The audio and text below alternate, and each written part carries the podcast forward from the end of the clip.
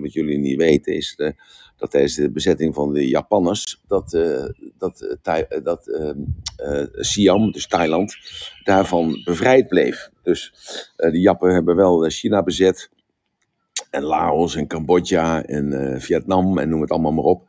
Maar hebben daar eh, Siam, dus Thailand, eh, van ontzien. Eh, dat kwam door de, door de keizer, door de koning die hier is. Die heeft een, eh, een gigamacht. Die bestaat al geloof ik iets van 4.000, 5.000 jaar in die familie. En eh, die hadden gezorgd dat eh, met, eh, met bepaalde afbetalingen en met bepaalde ja, diploma- diplomatieke eh, omstandigheden hadden ze ervoor gezorgd dat, dat de Jappen eh, alleen doorheen trokken, maar niet eh, hier Thailand bezet hielden. Nou, dus dan even terug naar, die, naar, de, naar, de Chinese, naar het Chinese nieuwjaar. Het Chinese nieuwjaar is, ja, is heel bepalend. In China zijn alles twee weken dicht. Het Chinese nieuwjaar duurt ook twee weken. En ik, ik wil daar graag even iets over vertellen, omdat het toch wel interessant Het lijkt mij tenminste interessant om daar iets over te horen, iets over te weten. En te kijken van eh, ja, hoe dat nou zit eigenlijk. En, en hoe dat nou tot stand gekomen is. Want eh, ze hebben dus een andere jaartelling als dat wij hebben. En eh, nou, daardoor eh, heb ik eh, besloten om daar eens over te praten. Zo, eh, ja, alles wordt opgenomen vandaag. Eh, ik, eh, ik heb Ron nog niet gezien. Ja, ja, toch, Ron is er wel. Hallo, hey Stanley. Hey eh, kerel, een mooie foto heb jij. Het valt me gewoon op, die hele mooie blauwe lucht daarbuiten. Maar joh, Yvonne, eh, Dennis, Marianne, Helene, eh, Helen en een andere Marleen. Eh, ja, Marleen, die hebt ene Marleen uit... hoe heet dat? Uit Marleen. Oh, die schrijf je anders. Die schrijft Marleen anders. Wo- Wo- Woord, Woord en Catharina. Zo, nou, we gaan het hebben over het nieuwjaar. Alles wordt, het Chinese nieuwjaar, alles wordt opgenomen. En eh, is terug te beluisteren op eh, Spotify, heb ik begrepen. Heron. Eh, heeft er iemand behoefte om naar boven toe te komen? Of wil graag iemand mij helpen op dit moment? Nou, dan ben je natuurlijk altijd van harte welkom. Want ik ben geneigd om te praten met mijn ogen dicht. En ik zie niet altijd meteen als iemand een hand opsteekt of als iemand ehm, wat wil delen met, met de andere CQ, met mij. Het, het Chinese nieuwjaar. Ik, ik heb dacht ik wel eens vaker verteld over de Chinezen, dat de Chinezen neerkijken op ons. Wij zijn barbaren voor hen. Wij zijn barbaren voor hen. En dat, eh, dat laten ze ook merken als je daar bent. Zij, eh, ja, niet als ze dat zeggen hoor, want daar zijn ze natuurlijk te veel eh, gentlemen voor, zou ik bijna zeggen. Maar ze kijken wel op ons neer. En dat, dat zie je ook bijvoorbeeld bij eh, eetgewoontes. Dat zie je met, met thee zetten. Jappen die hebben daar ook een handje van. Die, daar kan je een kopje thee drinken. Dat kan gewoon maar vier, vijf uur duren. Eh, de manier eh, zoals ze met elkaar praten. Hoe ze elkaar aanraken en dergelijke. Hoe ze daar... Ja, ze zijn gewoon op een, eh, een ander niveau. Ik zeg niet beter of slechter. Maar ze zitten op een, een ander niveau. En dat heeft ermee te maken ook dat ze een veel oudere cultuur hebben. Ik heb dat al eens uitgelegd met religie. Hè? Dus de laatste religie is eigenlijk de beste. Die, die is het meest eh, geëvolueerd. Is het meest geëvolueerd. En het rare is dat je dan ook weer bij die religies ziet dat we weer teruggaan naar de eerste religie. De eerste religie, dat zijn dan de, de Vada's eh, die geschreven werden dus een kleine eh 7000 jaar geleden. Nou, zo is het dus ook. Het, eh, wij gaan terug met onze jaartelling tot, tot jaar nul. Dat is dan de kruisiging of de geboorte van Jezus. De kruisiging, de, sorry, de geboorte van Jezus. En dat hebben we aangenomen als onze jaartelling. Maar de Chinezen die hebben een, een dag van de eerste koning, de kroning van de eerste koning genomen. En dat was, ehm, ja, het is dit jaar 4719. Dus je kunt je voorstellen dat de beschaving eh, die eh, begon voor hen 2697 jaar voor Christus. Eh, ik, ik trek van die 4719 trek ik twee, eh, 2022 af. En dan kom je dus op het geboortejaar van, van Christus. En dat was ons eerste jaar, jaar nul. En als je dat eraf trekt, dan kom je uit op eh, 2697 jaar voor Christus. Dus eh, je kunt je wel voorstellen, een kleine 3000 jaar eh, voor Christus. Ja, toen liepen wij nog in, eh, in, in, berenvellen rond. Of we liepen helemaal niet rond. Er was geen boekdrukkunst. Ja, we hadden geen elektriciteit. Nou, kortom, het, het was kommer en kwel. En toen hadden ze dus in China hadden ze al een kroning van een koning. Ze waren dus al met elkaar, was het één land. En eh, dat hebben ze genomen als begin van hun jaartelling. Dus met, eh, met andere woorden, een kleine 5000 jaar geleden is de Chinese beschaving begonnen. Nou, dat is natuurlijk eventjes een, een hele eh, grote stap. Hè, dat ze meer ervaring hebben en ik wil niet zeggen meer wijsheid, maar ja, nou ja, ze, oude mensen die heten dan ook wijs. Die heten niet oud, dat zijn altijd wijs, omdat ze meer ervaring hebben gehad. Zo, dus, en als je dan even kijkt naar dus wat dat betekent voor hen. Voor hen betekent het, het nieuwe jaar gewoon helemaal weer een jaar om opnieuw te beginnen. En uh, dus nieuw jaar, nieuwe kansen. En ze hebben elk jaar, noemen ze uh, naar een beest. En waarom is dat? Ze hebben een bepaalde beest hebben ze benoemd. Of dieren, een beest, een dier, een beest, een dier. En die vertelt een legende. Er is ook een legende dat, dat die beesten dus met elkaar bij die koning zijn gekomen. En zodoende zijn dat is dus elk jaar is er een ander dier, zeg maar, het, het jaar van de tijger. Dus het is nu het jaar van de tijger. Vandaag is daarmee begonnen. En we komen uit het jaar van de os. Dus elke twaalf jaar krijgen wij een uh, nieuw, een nieuw diersoort. Dan noemen ze dan het jaar van de tijger. Volgend jaar hebben we het jaar van de konijn. Na het konijn komt het jaar van de draak. Daarna komt het jaar van de slang. Daarna komt het jaar van de paard. Daarna het jaar van de geit dan het, uh, het, het, uh, het, jaar van de aap, dan het jaar van de haan, dan het jaar van de hond, dan het jaar van de varken, dan het jaar van de rat. En na het uh, jaar van de rat komt de os, het jaar van het os. En na het jaar van de os, dan beginnen we weer bij de tijger. Nou, nu staat uh, elke uh, teken staat voor een aantal karaktereigenschappen. En Chinezen geloven dat als je dus in een bepaald jaar geboren bent, dus bijvoorbeeld in mijn geval, je bent in 1949 geboren, dus dat is in het jaar van de os. Het, uh, tel maar even terug. Het, zo, dus het, het, als je een aantal jaren terugtelt, dan weet je precies in welk jaar jij geboren bent. Ik ben in het jaar van de os geboren. Nou, en die os die, die staat dus voor een aantal karaktertrekken die os die staat bijvoorbeeld voor een, ehm, ja, die staat voor krachtig en staat voor betrouwbaar en ook voor zachtaardig. En, en zo heeft hij nog een paar andere goede eigenschappen. Volgens mij heeft hij geen negatieve eigenschappen, heeft een paar goede eigenschappen. En, en, uh, nou, en vanuit die eigenschappen word je dus dan ook beoordeeld dan en dan geboren bent. En als je dus op die, in dat jaar geboren bent, ik, ik vind het een beetje raar, dan, dan zouden dus al die mensen die geboren zouden zijn in 1949 allemaal op elkaar lijken. En die zouden dan ook allemaal dezelfde karaktereigenschappen hebben. Nou, in die jaren die worden ook nog een klein beetje uh, onderverdeeld in, in, in uh, materiaal. Je hebt de, houttypes, je hebt de vuurtypes, de aardetypes, de metaaltypes en de watertypes. En uh, dat loopt ook nog een beetje kriskras, loopt dat door al die jaren heen. Dus je kunt wel geboren zijn in het jaar van de tijger, maar de tijger kan toevallig net uh, in dat jaar in, een, uh, in het houttijdperk staan. En, ja, en over twaalf jaar staat het niet meer in het, in het vuurtijdperk. En, en weer twaalf jaar later staat het in het aardetijdperk. Daarna kan het zomaar weer terugkomen in het houttijdperk. En daarna kan het naar het metaaltijdperk of het watertijdperk gaan. Dus het is heel gecompliceerd die persoon te duiden. Uh, want uh, iedereen zou dus in 1949 uh, of vandaag, na vandaag geboren zijn uit het jaar van de tijger komen, op elkaar lijken. Ook omdat dus vandaag het jaar van de tijger een houtjaar is. En dat zegt dan weer genoeg over al die mensen die vandaag. Er zijn wel heel veel algemeenheden. En die algemeenheden, dat maakt het natuurlijk moeilijker om uh, ja, de mensen te begrijpen. Want wij gebruiken zelf de astrologie, of ja, je moet het niet meer. Dezelfde astrologie gebruiken wij heel veel om uh, mensen te, ja, te, te, onderscheiden, eigenlijk als het ware. Hè? dus we hebben, we hebben de, de, de andere sterrentekens. Wij hebben de ram, de stier, de tweeling, de kreeft, de leeuw, de maagd, de weegschaal, schorpioen, de boogschutter, de steenbok, de waterman en de vissen. En, uh, ja, en als je dus dan geboren bent in een bepaald jaar en op een bepaalde dag, dan ben je dus, als je in maart geboren bent, dan ben je een vis.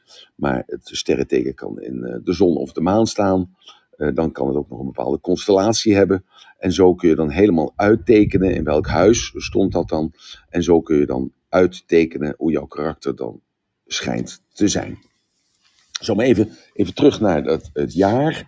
Het, het, jaar van de tijger uh, is. Uh, dit wordt een heel voorspoedig jaar.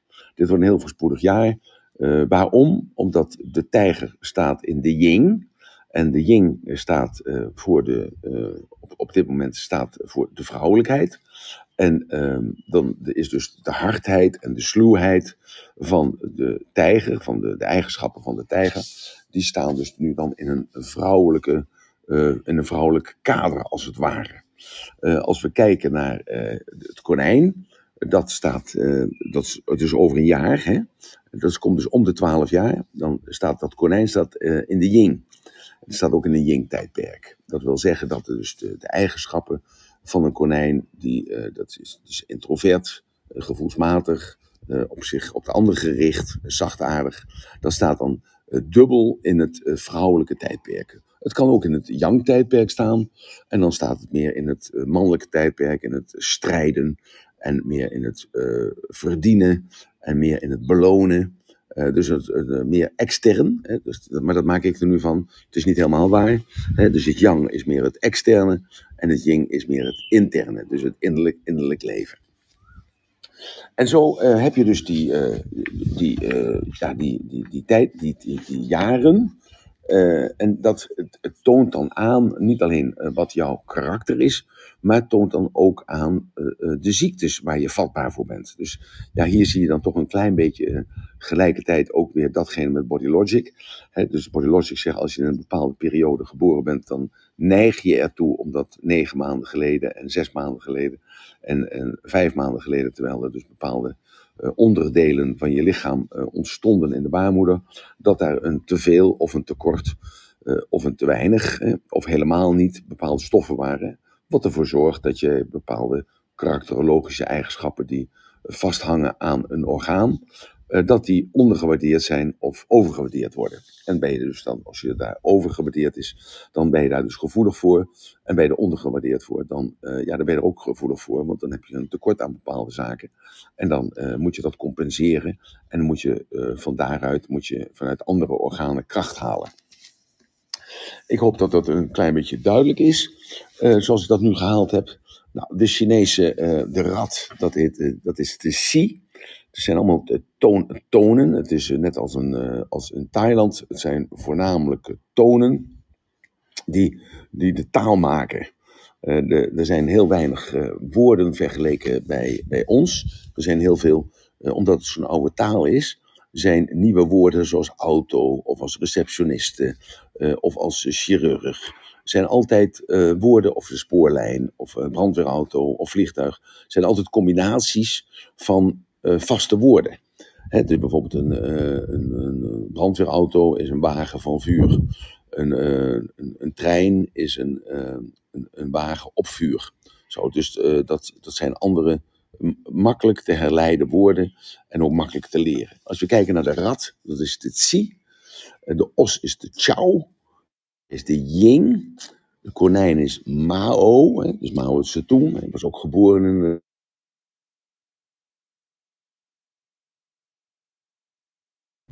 De slang is de Si, het paard is de Wu, de geit is Wel, de aap is de Shen, de haan is de Yu, dus de Q, de, het varken is de Hai. Zo, dus, uh, nou, en, en waar komt dat dan aan vandaan? Hè? Uh, dus die taal. Uh, want bijvoorbeeld in heel China, het is giga groot, vele malen groter dan Europa. Daar worden dus ook verschillende talen gesproken. Dus ondanks dat daar verschillende uh, uren zijn, hè, dus, dus uh, je, uh, je kunt in Guangzhou opstappen in het vliegtuig en dan zijn er geloof ik iets van, van drie of vier tijdzones zijn daar. en je hebt nog verschillende talen. Daarom heb je daar de Hakka, het Kantonees, de Siang en het Mandarijn. Het Mandarijn is eigenlijk de voertaal. Dat is de taal die gesproken wordt in Beijing. En die wordt gesproken door de rechterlijke macht. En uh, ja, iedereen wordt dan geacht om Mandarijn te spreken. Want alle officiële uh, stukken zijn in het Mandarijn. Maar je kunt je voorstellen dat je, ja, als je Hakka spreekt, dat is een hele andere soort taal, dan moet je gewoon Mandarijn spreken. Zo, dus dat, maar dat is al 5000 jaar, is dat zo. Dat, uh, de scholen zijn al 5000 jaar oud. Dus dat is allemaal heel anders uh, dan bij ons geregeld. Er is ook veel meer discipline. Ik, ik spreek geen waardeoordeel uit, maar er is veel meer discipline. Men uh, luistert veel beter. En men doet wat er opgedragen wordt. Je zou het bijna kunnen zeggen als een soort uh, Duitse mentaliteit is er in, in China. er wordt iets opgelegd of er wordt iets gezegd. En dan doet men dat ook. En dat komt omdat het land zo oud is en men heeft geleerd, denk ik, mijn hallucinatie, dat ja, het toch geen zin heeft om je te verzetten tegen datgene wat de overheid zegt. Want de overheid is er om belasting te, te ontvangen en is er om de wetgevende macht te zijn. En daar moet je gewoon naar luisteren, punt en basta. Dus dat is een hele andere mentaliteit. En hoe komt dat dan? Ja, dat heeft te maken met de godsdiensten die er zijn. En ik heb ze dus even op een rijtje gezet, uh, voor mezelf, maar ook voor jullie. En dan, uh, ja, dan, dan zie je dus ook dat die godsdienst, die bij ons een hele andere betekenis heeft, want je, je geeft je over aan die godsdienst. En hier zie je dus in die godsdiensten van uh, religies van, van China, dat die veel meer um, rationeel zijn. Die zijn veel meer uh, planmatig. Die hebben een, een veel meer een rationele betekenis en filosofische betekenis. En daar vandaan ehm, ga je dan ook zien, of ga je begrijpen, dat zij ook veel meer, um, hoe moet ik dat nou zeggen, dat ze veel, is dat het juiste woord nou? Slimmer is niet het juiste woord, maar veel meer beredeneerd politiek bedrijven. En veel meer uh, beredeneerd in het leven staan. Zijn veel meer pragmatisch als dat wij Westelingen zijn. He, het concept verliefd zijn bijvoorbeeld, ja, dat, dat kennen ze helemaal niet. Dat kennen ze nu dan van het eh, Amerikaanse of Europese films. Maar dat, dat is er helemaal niet. Dus, dus dat is gewoon functionaliteit. je gaat een gezin aan omdat het functioneel is. Een gezin is hoeksteen van de maatschappij. En wie, kan, wie ken jou nou het beste? Nou, dat is je vader en je moeder. En die weten ook het beste wat voor jou hoe jouw partner eruit moet zien, of wie, welke karaktereigenschappen, of van welke afkomst jouw partner moet zijn. Zo. En dat zit er dus zo ingegoten dat wij daar heel raar naar kijken. Uh, dat we denken, ja, maar je bent toch verliefd en een vrouw heeft toch rechten en een man heeft toch rechten en je leeft toch je eigen leven. Het is toch je eigen droom. Ja, dat, dat kennen ze daar helemaal niet. Dat, dat komt dus door, door die godsdiensten die er zijn, die gebaseerd zijn op filosofie en op ethiek. Dat heb je bijvoorbeeld het, uh, Confucius, het Confucius, hè, dat is Confucius, Confucianisme. Uh, dus, dat is van een, een rechtsgeleerde een paar duizend jaar geleden, die dus een aantal boeken heeft geschreven. En daar hebben ze dus een soort, ja, religie is niet het juiste woord, maar daar hebben ze een soort gebruiksaanwijzing hebben ze daaruit gemaakt. En Confucius, die, uh, dat zijn maar honderd regels die daarvan gemaakt heeft. Maar de belangrijkste regel is, die alle regels draagt. En dat is, uh, behandel jij iedereen zoals je zelf behandeld wenst te worden. Nou, en, uh, en, en dat is een regel en die hanteren ze. En ja, simpel as that, zou ik bijna zeggen, simpel as that. je hebt het Laotisme, dat zijn ook regels. Lao was ook een filosoof, een ethisch mens. Je hebt het eh, boeddhisme. Nou, het boeddhisme is dus dan een, een, godsdienst zoals wij dat dan noemen, maar dat is eigenlijk geen godsdienst, want het zijn regels. Want als je kijkt bijvoorbeeld naar het concept uh, karma en dharma, dus eh, karma is datgene wat er, wat er gaat gebeuren, dat is dus de oorzaak- en gevolgketen. En dharma is datgene wat er dan ontstaat. Dus dat is het gevolg van de oorzaak. En hoe je daar dan in kan grijpen, en dat het leven alleen maar bestaat uit lijden. Want eerst leid je om iets te bezitten.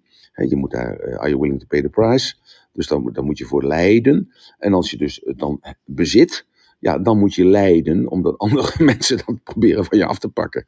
Dus dan moet je daar weer voor zorgen. Dus ja, waar leidt het toe? Het leidt tot niets. En dat, dat karma bijvoorbeeld is afgeleid gewoon van de boom. Dat beschrijft Boeddha ook in zijn geschriften. Dat de boom, die, uh, ja, die in de herfst uh, neemt hij afstand van zijn bladeren. Die bladeren die vallen op de grond. die worden meegenomen door de wormpjes. En worden opgegeten door de miertjes. En die worden gebruikt voor andere zaken. En die, die verdwijnen als het ware na een bepaalde tijd in de bodem. En dat is weer voeding voor de boom of voeding voor andere planten of uh, dieren die daar op dat moment in de nabijheid zijn. Zo, dus, dus dat is karma, en dat is de uh, regel van oorzaak en gevolg.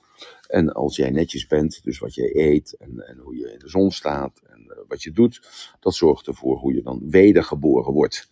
En dat wij er dan van gemaakt hebben van een, een soort ziel, En die ziel of geest, hè, dat, dat, herinner je die discussie die er nog was met Joyce, de geest of de ziel, dat die geest of ziel, dus dat, dat, dat niet stoffelijke, dat dat ook terugkeert op deze wereld, maar dan in een andere persoon. Zo, zo zien we dat dan. Nou, dan heb je daar ook volksgeloof. Dus eh, dat, uh, daar hebben de mensen er zelf gewoon maar wat uh, van gemaakt. En daar, daardoor is er ook voorouderverering. En die voorouderverering die zorgt ervoor dat de Chinese bevolking zeer zeker altijd denkt niet in dagen. Wij denken, we hebben het vaak wel eens over wat is het doel van vandaag. of wat is het doel van deze week. Of wat is het doel van dit jaar. Maar zij leven helemaal niet zo. Zij hebben alleen maar doelen uh, wat door tientallen, honderden jaren heen loopt. Dus als je met een Chinees te maken hebt, die, uh, en wij denken dan aan, misschien aan snel gewin. Dus de, die winst die moet er dan zijn met een, uh, met een half jaar of met een jaar. Maar zij denken gewoon veel meer in, ja, in honderden jaren, in ieder geval in generaties. Dus zij denken veel meer in wat is het belang van mijn kind in deze beslissing. Zo, dat, dat is dus een hele andere manier van denken dan dat wij hebben. En dat Amerikaanse denken, dat is gewoon, uh, ja, nu, nu, uh, nu pakken wat je kan pakken. Uh, pak de winst, het belang van de aandeelhouders. En op die manier is er een hele andere maatschappij ontstaan. Nou, dat is een klein beetje dus die, die jaren. En dan wil ik graag nog even teruggaan naar die jaren. Zijn die vragen over? Zijn die vragen over, dan, dan mag je ze rustig stellen. Ik zie Hermine, Juliette. Zijn er geen vragen, is het, dan twijfel ik altijd of ik wel overkom. Hè? En, nou, Roos, heb je uh, invite as a speaker Peter de Jong. Peter, uh, Peter, kom boven. Had ik jou omhoog gehaald, Roos? Of had je jezelf omhoog gehaald? Ik dacht dat Peter de Jong stond. Nee, dat heb jij gedaan. Oh, heb ik gedaan. Oké, okay, oké. Okay. Ja. Had, je, had je gevraagd om even boven te mogen komen? Ja, ik uh, hoorde jouw verhaal over dat ouders dat regelen voor de kinderen, die verkering. En wij zijn een aantal jaar geleden in China geweest. En op een gegeven moment zagen we een afgezette weg. Met heel veel mensen en heel veel foto's hingen op. Wat echt zoiets, wat is hier aan de hand? En het bleek dat inderdaad dat dat allemaal ouders waren. En die de foto's van hun kind, dat dus zeg maar rond de twintig ergens was, opgehangen hadden. En inderdaad ja. bemiddelde onderling afspraken maken. En ja. zij zeiden dan van, ja, de kinderen hebben daar zelf geen tijd voor zo. Maar ja. ja. het was echt enorm druk en een gehandel en een het was echt apart om te zien dat dat bestaat. Ja, ja. Ja, dat is, uh, ja, maar dat is al duizenden jaren is dat zo. En, en uh, ja, dat, dat is een kwestie van, ja, wij zijn dan natuurlijk gewend dan als Nederlanders om daar een waardeoordeel op te plakken. Uh, maar je ziet daar dan ook eens in China zelf, ben ik er een aantal keer geweest, dat je dan, dan ziet aan die mensen ook dat ze veel, ze zijn berustend, hè, zijn berustend en zijn niet zo seksgeoriënteerd als wij. Uh, ja, mag ik dat toch wel zeggen. Hè? Als je kijkt naar die uh, Kardashian of Kardashian, hoe heet ze ook weer die mevrouw, die zich op laat spuiten. Uh, hoe, heet ze ook ja, weer, Roos? Kardashian? Ja, Kardashian, ja, ja, precies. Ja. Ik kreeg daar vorige week een, een foto van. Uh, die had, liet haar billen zien, uh, hoe die opgespoten ja. waren en haar borsten. En uh, ja, toen dacht ik bij mezelf, zou ik een aanklacht indienen dat ik nu seksueel gemanipuleerd word of geïntimideerd word, terwijl ik daar niet op zit te wachten. He, dat even als tegenbeweging van het hele verhaal van The Voice. En ja, dat kent men dus in die uiterlijke vertoning, die kent men daar niet. Dat, dat doet men wel, dat doet men wel natuurlijk, want dat westerse, westerse idee, goed, dat komt natuurlijk langzaam zeker, komt dat wel door. Maar uh, men, men doet dat niet, men is er niet zo trots op eigenlijk, als het ware. Dus die, die, uh, die, je ziet daar ook dan die industrie aan van botox en injectables. Dat is een beetje, hoe moet je dat zeggen, een beetje, misschien heb jij dat ook gezien Roos, een beetje voorzichtig. Ze, ze, het, ze maken de borsten niet van cup A naar cup D, als ik het goed heb, is A klein en D groot. Ja. Maar, is dat zo, of niet? Ja, ja. Maar, maar, ze maken het van A naar uh, dubbel A, als het ware. Dus het valt niet op dat, dat ze dus uh, vijf keer grotere borsten hebben. Uh, en dat is ook met hun gelaat. Ze, ze doen wel, dus hun amandelvormige ogen proberen ze iets rechter te krijgen. Dat is wel een hele favoriete operatie. En ze doen hun tanden. De Chinezen en Japanners en in heel Azië hebben hele slechte, ja niet slechte tanden, dat mag ik niet zo zeggen. Maar hebben heel veel tanden die schots en scheef door elkaar staan. En, en hoe dat komt, eh, dat weet ik eigenlijk niet. Maar daar, daar doen ze wel heel veel aan. Ze doen wel dat ze rechte, rechte tanden krijgen. Maar dat is niet, eh, eh, niet, niet ingegeven door eh, sekssymboliek, want de seksdrive is van Chinezen is heel laag. Ehm, ja, ik, ik heb dat wel eens verteld hoe dat, hoe dat daar zit, maar dat zal ik nou maar niet herhalen in deze room waar mannen en vrouwen zitten. dat, dat is heel laag. En ze zijn ook gewoon niet zo georiënteerd. Ze denken meer van, wat kan hij hè, als man zijnde voor mij betekenen voor mijn kinderen? Dat is een hele rare. Je moet je voorstellen, Roos, dat, dat, dat jij een, uh, op, op uh, 18, 19-jarige leeftijd naar een man kijkt en denkt bij mezelf: uh, wat voor vlees heb ik met die man in de kuip? Is die, is die sterk? Uh, gaat hij later veel geld verdienen? Of komt hij uit een gezin die welvarend zijn? Uh, wat voor school heeft hij gehad? nou ja, allemaal rationele beoordelingen over die persoon. En dan, dan pas met die man het aan gaan leggen. Het is net wat jij zegt. Hè. Er zijn hele markten uh, die, dus, uh, ja, die, dus verhandelen over die kinderen. En daar wordt ook vaak een bruidschat wordt daar nog aangekoppeld. In Afrika is dat ook heel normaal. Volgens mij heb ik dat laatst verteld van de, de Maasai, dus groepen in Kenia. Die trekken rond in Kenia en, en een beetje zo midden Zuid-Afrika. Die trekken daar rond en daar is het teken van rijkdom is veel vrouwen. En, en de rijkste Maasai die heeft 40 vrouwen. En, een vrouw die koop je met een koe. Niet één koe, maar meerdere koeien. En hoe mooier de vrouw, hoe meer koeien die waard is. En zo uh, krijg je dus een soort uh, ja, vermogens. Uh, hoe noem je dat? vermogens. niet verschil. vermogensverdeling als het ware. Dus niet bij ons zo met, met, met de belasting op, de, op het, wat je er geërfd wordt. Hè? Dus um, hoe noemen we dat ook weer, Roos? Um, hoe noem je dat, belasting nou ook weer? Uh, erfrecht, belasting, nee. Successie, uh, successierecht, successie, ja, successie, successiebelasting. Dus als je overlijdt, dan moet je daar belasting over betalen. En dat is eigenlijk een kwestie van dat daarmee bedoeld wordt dat dat vermogen, dat dat verdeeld wordt over andere mensen. Nou, in de, bij de Maasai hebben ze dat ook zo. dat dus een vrouw, is een heel, heel, een heel rijk, een rijke man, die heeft vijf zonen en heeft honderd koeien. Nou, eh, hij moet al die mannen moet die koeien meegeven, want die, eh, die kerels moeten vrouwen kopen. Dus dat hele vermogen van die, eh, van die man, dat verdampt omdat hij eh, die koeien moet betalen om zijn, zijn zoons aan de, aan de bruid te, te, brengen. En als in China is dat ook een klein beetje zo. Je moet betalen en hoe hoger, hoe hoger kwalitatief de afkomst is, hoe meer je moet betalen. Dus hier in Thailand is dat ook zo, gearrangeerde huwelijken. Nou, en, uh, ja, en dat is heel raar voor ons om daarover te praten. Hè, want waar, waar, blijft dan je vrije wil? En uh, hoe, hoe zit het dan? Ben je dan als vrouw ben je dan ondergeschikt of nee? Want voor die man wordt ook die vrouw uitgezocht. En uh, ik, volgens mij heb ik dat wel eens verteld, dat ik dat gezien heb. Dat je uh, hier gaan uh, mensen dan naar een massagesalon toe. die nemen hun vrouw mee. Of hun vrouw zegt, nou ik heb geen zin om jou te masseren. Die gaan mee naar die massagesalon. En die zoeken dus dan de, massage, de, massa, de masseur op. Die zoeken dan een masseur uit. zodat ze weten van, nou die vrouw die mijn man gaat masseren. Die ziet er niet appetijtelijk uit. En die zal hoogstwaarschijnlijk wel niet mijn plaats in gaan nemen uh, als echtgenoot. En die, blijven, die vrouwen blijven dan ook wachten, buiten of binnen, uh, een kopje koffie erbij, totdat die man zijn gerief gehad heeft. Niet alleen een massage, maar die wordt dan ook geholpen nog aan een beetje aan de rest. Zo, en dat is gewoon heel normaal hier. Ja, en voor ons Westeling is dat heel raar om dat mee te mogen maken. Maar wanneer ben jij in China geweest, Roos? Um, ik denk een jaar of zes geleden, want een neefje die is getrouwd, niet al langer, zeven, acht zeker. Een neefje is getrouwd met een smeesje dan. En daar hebben we ook zo'n echte traditionele bruiloft meegemaakt. Dat ze echt door het dorp heen gedragen werd en geblinddoekt. En ook bij het feest allerlei tradities, theeceremonies, stukje van het haar afknippen. Iedere paar uur had ze een andere bruidsjurk aan. Ja, het was gewoon heel apart om eens te zien hoe dat gaat. En was het de familie van jou of familie van je man? Of, uh... Uh, van mijn zus, de zoon, die is getrouwd met een Chinees meisje. Die heeft een wereldreis gemaakt. En toen wilde die Chinees leren. En dat deed je daar op het terras gewoon. Er kwam een lerares dan. En uh, Lin was eigenlijk de vriendin van die lerares. En die hebben elkaar leren kennen. En die zijn dus inderdaad wel verliefd geworden. Oké. En, en, ja, ze zijn getrouwd. En hij, zij woont nu hier en ze hebben een paar kinderen. Ja.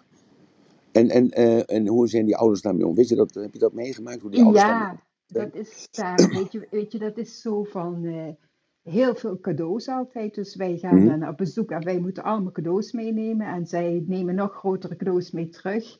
Ja. En als zeg maar eh, de oom van haar een dochter heeft die trouwt. En dan wordt er gekeken hoeveel heeft die vader gegeven. Bijvoorbeeld 200 euro. Nou, dan moeten wij 300 euro geven. En zo gaat dat Ja. tegen elkaar op. Cadeautjes worden vaak ook niet uitgepakt. Hup, dat wordt weer verder gegeven. Het gaat om cadeaus, cadeaus. eh, ja, het is heel apart allemaal, maar heel vriendelijk. En hij, die vader wilde ook alles voor ons betalen, zeg maar. eh, dat je denkt van, ja, je schaamt je. De hele gezelschap met 25 man, die kan die man toch niet gaan betalen? Onze excursies en alles daar.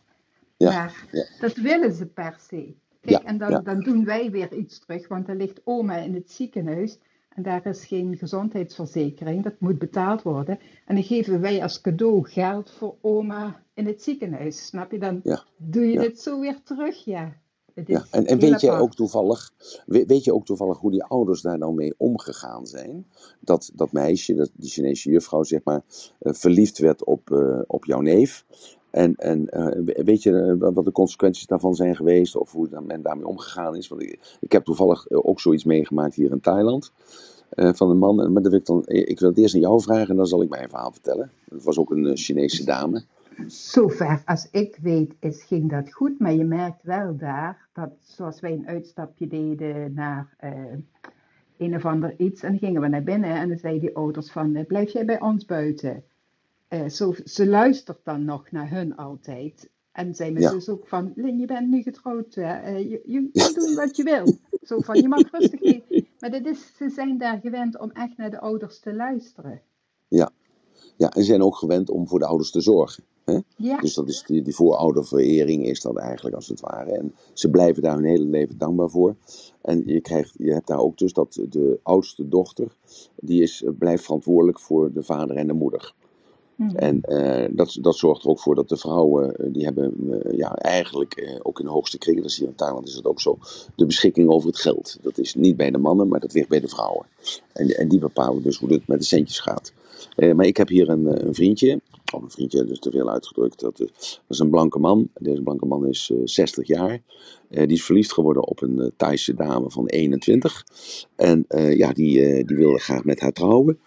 Eh, nou, dat gaf nogal wat voeten in aarde, want ja, dat is natuurlijk een groot leeftijdsverschil. Eh, zeer zeker eh, ja, voor daar, of voor hier, 40 jaar.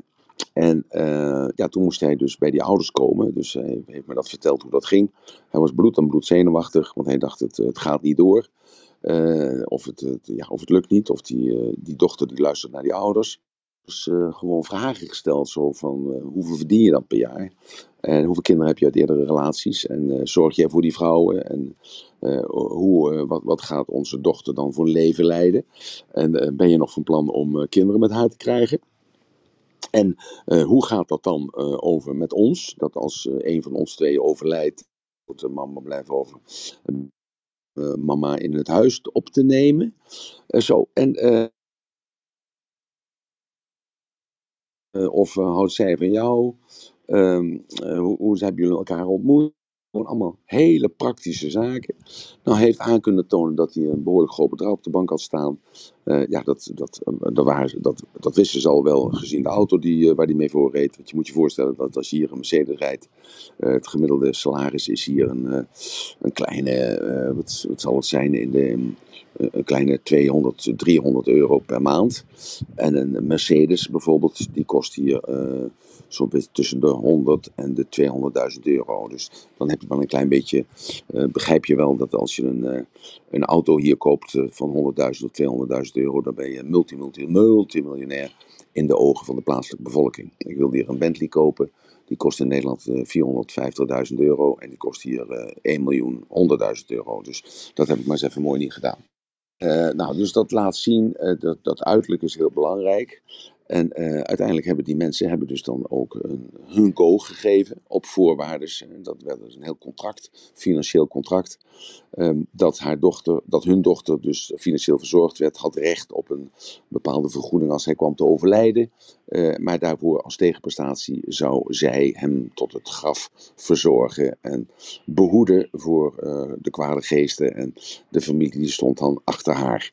Want de vader en moeder van dat meisje, die vrouw dus nu, uh, die waren jonger als dat hij was. Zo, dus, dus een hele zakelijke overeenkomst. Nou, Roos die, uh, is daar dan een uitzondering op meegemaakt. Hè, want dat, is, dat, dat Westen treedt natuurlijk steeds meer in in het, um, in het, in het Oosten. Maar tegelijkertijd uh, ja, vertel je ook zelf dat je meegemaakt hebt dat er op de markt dat er gewoon echtparen gecreëerd worden. Toch? Dus zo vertelde je dat, hè? Ja, dat klopt. Ja. Dus uh, ja, dat, je moet je eens voorstellen dat je dat, uh, dat je dat met je dochter doet of met je zoon doet. Heel raar. Maar goed, aan de andere kant, ja, wie kent jou het beste? En als je heel klinisch kijkt, ik heb eens een keer een boekje over gelezen. En dat was dan, ging dan over de biologische storm die er is uh, bij bepaalde overtuigingen en bij bepaalde gedachten. En toen werd het, het verliefd zijn werd, eigenlijk beschreven met wat voor chemische storm dat in je hoofd veroorzaakt en ook in je hart en op allerlei andere plaatsen. En dat je eigenlijk, uh, als je nuchter daarnaar kijkt, dan moet je dus in die, in die state, in die stemming, uh, moet je absoluut geen zwaarwegende beslissing nemen. Nou, wij zijn niet anders gewend. Als we verliefd zijn, dan, ja, dan gaan we van die persoon houden. En dan willen we alles met die persoon. En dan willen we ook alles delen en dan willen we alles geven. Want we willen maar één ding en dat we samen zijn. Ja, en dus dat is die, die stemming die er dan is. En uh, ja, dat is, dus daar is dat niet zo. Want, want hoe, uh, weet je hoe hun uh, liefdesleven is, Roos? Heeft hij daar ooit wel eens wat over verteld? is dat warm of is dat koud? Of, of zie je dat, dat er heel goed voor de kinderen gezorgd wordt op een andere manier als in westerse gezinnen? Of dus zie je daar, zie je daar een, een groot verschil in? Ja, zij is ook inderdaad enig kind daar. En ja, je ziet wel dat bijvoorbeeld uh, neef en zo, dat dat voor hun net hetzelfde is als hier een broer. Dat hoort er allemaal bij. En tante en alles. Dat is veel hechter dan hier, omdat ze natuurlijk ook maar één kind hebben. Maar ja, even de gasten en iedereen alles. Maar mijn, mijn neefje zei bijvoorbeeld, ja, dan gaat hij daar eh, naartoe als het koud is. En zij zegt, ja, die hebben best wel geld, die mensen. Want die geven lunches aan ons allemaal en weet ik wat. Maar de verwarming, die wordt niet omhoog gezet. Uh, zo van, ja, ja, ja, dat hoort niet. Uh, hij zegt, ik, het liefste leg ik daar geld meer van, zet die verwarming omhoog. Maar dat mag niet. Nee, dat hoort dat niet. Klopt. Dat klopt, ja. Ja. Is dat een kwestie dat niet het hoort? Want ik herinner me dat ik, een, uh, ik was in Beijing, en, uh, ja, dat is een jaar of vier, vijf geleden, was midden in de winter, ik moest een seminar geven. En toen werd ik uitgenodigd om te eten en dat was dan in het beste uh, Peking Eend restaurant van Beijing. En dat was een hele, hele, hele grote zaal waar ongeveer een kleine duizend, 2000 man uh, te eten kregen. En dat was hele hoge plafonds. Ik geloof wel, wel, wel 10 of 15 meter hoog. En het was me toch koud. En iedereen zat gewoon in de winterjas te eten. Ja, klopt, ja. En, en de deuren stonden open. En uh, ja, het bediende personeel liep ook in dikke jassen. En toen dacht ik nog bij mezelf, waarom is er geen kachel aan? Dus, dus dat, is, dat, is dat een soort zuinigheid dan of zo? Ja, ik denk. Weet je dat toen? toen? Maar ja, dat is gewoon zo. Ik weet het ook niet. Hij, hij snapte er ook niks van. Want hij dacht op andere gebieden geven ze veel geld uit. En dit, ook al hij vroeg dat, maar nee, dat, dat hoort niet. Ja, dat Ja. ook niet. Goed, nou, dus, we gaan eens even terug naar, eh, dat, naar die, eh, dat hout en vuur en aarde en metaal en water, jaren. en we gaan eens kijken of jij zelf kunt herleiden eh, of jij een rat bent of een geit. En dan, daarna we eh, een paar karaktereigenschappen noemen over die, over, die, over die diersoorten als het ware.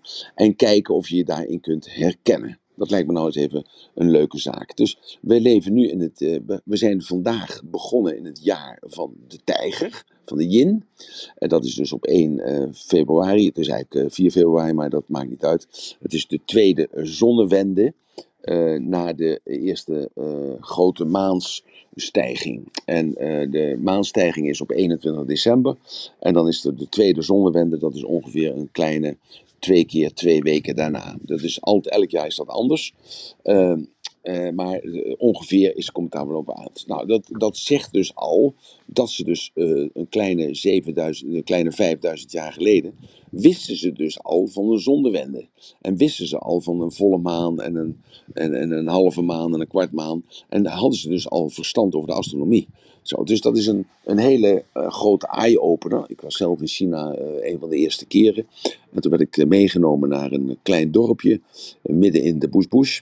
En daar was het eerste horloge, was daar, de eerste klok stond daar nog steeds. En die lieten ze me zien, die, die klok die liep op water. En die, eh, die deed dan geen cijfers aanduiden, geen cijfers, maar wel een, een andere typologie waarin je kon zien hoe laat het was. Het waren wel hal, kwarturen, he, kwarturen, half uur en hele uren. En niet vijf minuten of tien minuten. Het was 5000 jaar oud en dat ging door middel van water. En tegelijkertijd in datzelfde museumpje stond ook de boekdrukkunst, want de boekdrukkunst was daar ook al 5.000, 6.000 jaar geleden uitgevonden. Zo, dus uh, wij denken dat de boekdrukkunst uitgevonden is hier in Göteborg, uh, een kleine 300 jaar geleden, maar dat, dat bestond dus al. En de Marco Polo heeft daar ook over geschreven, alleen uh, ja, we begrepen dat toen niet helemaal. Zo, dus als we nou kijken, het jaar van de tijger is dus, in, laat maar even zeggen, grofweg 2022. En dus over twaalf jaar komt het jaar van de tijger weer terug. Dus twaalf jaar geleden was het ook het jaar van de tijger. Dus in het jaar 2010 had je het jaar van de tijger. Uh, 1998 had je het jaar van de tijger. 1986 had je het jaar van de tijger. En uh, 1974 had je ook het jaar van de tijger. En 1962 had je ook het jaar van de tijger. Ik doe het even uit het hoofd. Dus misschien dat ik een foutje erin maak. En, en zo kun je dus zelf in een, in een aantal jaren kun je dus terugtellen uh, in welk jaar jij geboren bent. Want dat is hartstikke leuk. Eens kijken of jij dan kunt laten zien of kunt laten horen of je daar dan in herkent. Zo, dus, um, uh, dus we hebben nu uh, het jaar van de tijger. Dus 12 jaar teruggeteld. Dus, dus als je 24 jaar geleden, of 36 jaar geleden, of 48 jaar geleden, of 60 jaar geleden geboren bent in februari, dan ben je dus in het jaar van de tijger geboren. Nou, datzelfde heb je dus uh, het, het, jaar van de konijn, de Mao. dat is dus uh, begin februari 23. Dus als je 12 jaar uh, of 24 jaar of 48 jaar daar voor, vooruit geboren bent, hè, dus dat is 60 jaar daarvoor, dus dat was in 1963 ben je geboren, 1963, of in 1951, dan ben je een konijn. En dan hebben we het jaar 2024 dat is het jaar van de draak. Nou, tel daar 60 jaar vanaf, dat is een 64. Als ik even kijk naar de gemiddelde leeftijd, uh, misschien uh, red ik dat dan wel, uh, als ik daar dan wat aanhaal. Zo, dus 64. Ben je in 64 geboren, dan ben je het jaar van de draak. ben je in 65 geboren, dan ben je een slang. Zo, en ben je in, 7, ben je in 66 geboren, dan ben je een paard. Zo, dus dat, zo, dan kun je dat voor jezelf uitrekenen dus um, hoeveel jaar terug? Dus ik zal nog even één keer zeggen. Dus we leven dus nu in het jaar van de tijger. Dus dat is uh, 2022. In het jaar 2023 is het het jaar van het konijn. En uh, het jaar 2024, dat is het jaar van de draak. Het jaar uh, 2025 is het jaar van de slang. Het 2026 is het jaar van het paard. Het jaar 2027 is het jaar van de geit. Het jaar 2028 is het jaar van de aap. Het twee, uh, 2029 is het jaar van de haan. Het jaar van de hond is in 2030. Hè, 2030. Dus 60 jaar daarvoor is, uh, is dus 1970. Hè, dat, uh, ja, 60 jaar daarvoor. Nee, ja, dus 1970. Ben je in 1970 geboren, dan ben je dus een hond. Jaar van de hond. het varken is in het jaar eh, 2031. Dus dat is als je 61 geboren bent, eh, dan uh, 70. Wacht even, zeg ik nou goed, help me even jongens. 60 jaar geleden als 71. Dus ben je in 71 geboren of in 59, dan ben je een varken. Ja, want varken. En dan hebben we het, uh, het jaar de rat. Rat is in 2000, 2032. 2032. Dus dat was uh, vorig, uh, vorig, jaar was het dan. Uh, nee, nee, vorig jaar was het het, jaar van de, van de os. Vorig jaar was het jaar van de os. Dus ik ben in, in geboren. Dus ik ben een os. Dus ben je er een klein Ben je er een beetje achter gekomen? Is, is het duidelijk? Ben je er- heeft iedereen uitgerekend in welk jaar die eh, geboren is? Nou, dat wist je natuurlijk, maar we- welk jaar hij geboren is? Welk jaar hij geboren is? En, en ben je er al achter of je een rat bent, of je bent een slang, of je bent een aap, of een, of een haan. Nou, en dan zal ik daar nou een paar eigenschappen bij benoemen. Dus het is een hele andere zaak als, eh, ja, als dat je een vis bent of een, eh, of een, of een, eh, of een weegschaal. De heel anders. Dus ben je een konijn, dan eh, ben je intuïtief en ben je gevoelig. En ben je meegaand en eh, duik je snel weg. Dus dat zijn eigenlijk een beetje eigenschappen van een konijn. Ben je het jaar van het paard, dan ben je gelukkig. Je hebt heel veel geluk, je bent heel sterk, je bent doorzettingsvermogen en je bent eigenlijk gecreëerd om succes te hebben. Ben je een slang, het jaar van de slang geboren, dan ben jij sluw, je bent gepassioneerd, je bent mysterieus, je bent gericht op spiritualiteit. Ja, en eh, je bent een beetje onbetrouwbaar. Het, paard, eh begreep, over, oh, ik, ik, heb, ik heb het paard en de draak eh, verschillend met elkaar, sorry. Het, het, dus de draak is geluk, is sterk en succesvol. En het paard, dat is tactvol, leergierig, onvoorspelbaar en ook te, te temmen. Dan heb je het jaar van de geit. Die zijn rustig, hartstochtelijk, oprecht en eh, gericht op eh, recht. Ben jij een aap, dan, eh, nou ja, waar staat een aap voor? Eh, spelen, eh, vrolijk zijn, creatief, eh, bewegelijk, eh, sportief. Eh, ja, alles wat een, dat, dat zou dan bij jou moeten zijn. Ben je in het jaar van de haan geboren, dan ben je kleurrijk, je bent nuchter, je bent leidinggevend, je bent de baas en je bent bepalend. Ben je een hond, ja, dan ben je trouw en dan ben je loyaal, eh, ben je eh, voorspelbaar en eh, ja, ben jij gewoon eh, gehoorzaam. Ben je een vark, varken, het jaar van de vark geboren, dan ben je tolerant, ben je sensueel, ben je goed gehumeurd, je houdt van het goede leven en je bent gewoon, ja, hoe noem je dat, makkelijk om verliefd op te worden. Ben je het jaar van de rat, dan ben je charmant, je bent economisch, je bent tegelijkertijd ook laf, eh, je bent eh, onvoorspelbaar.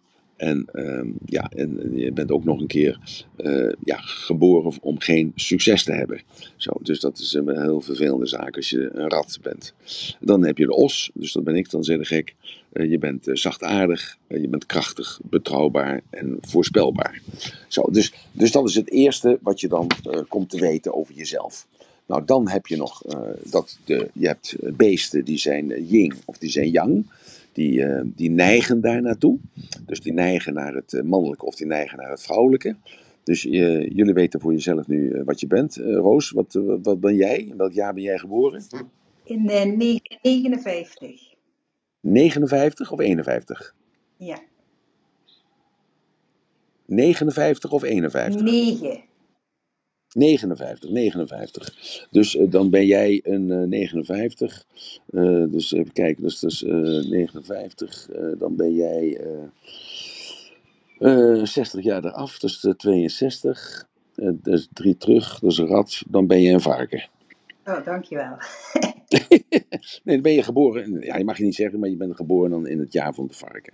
Nou, in het jaar van de varken ben je tolerant. Je bent sensueel, je bent goedgelovig, eh, je gaat mee en je kunt heel veel plezier met je hebben. En je bent spiritueel. Nou, dus, ehm, nou goed. Nou, Eigenlijk dat het wel klopt. nou, dan, ja. En nou, en dan heb je nog een keer dus eh, dat, dat dier staat ook nog voor mannelijk of vrouwelijk. Zo, dus zo heb je, dat, dat, vond ik wel raar, want eh, het is niet 6-6.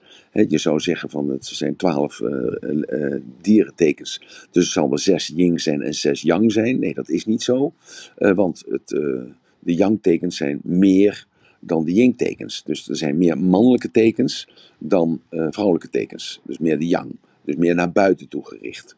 Eh, de rat is yang, de os is yang, de tijger is yang, het konijn is yin, de draak is yang, de slang is yin, het paard is yang, de geit is yin, de aap is yin, de haan is yang, de hond is yang en het varken is yin. Zo, dus mannelijke eigenschappen dan vrouwelijke eigenschappen.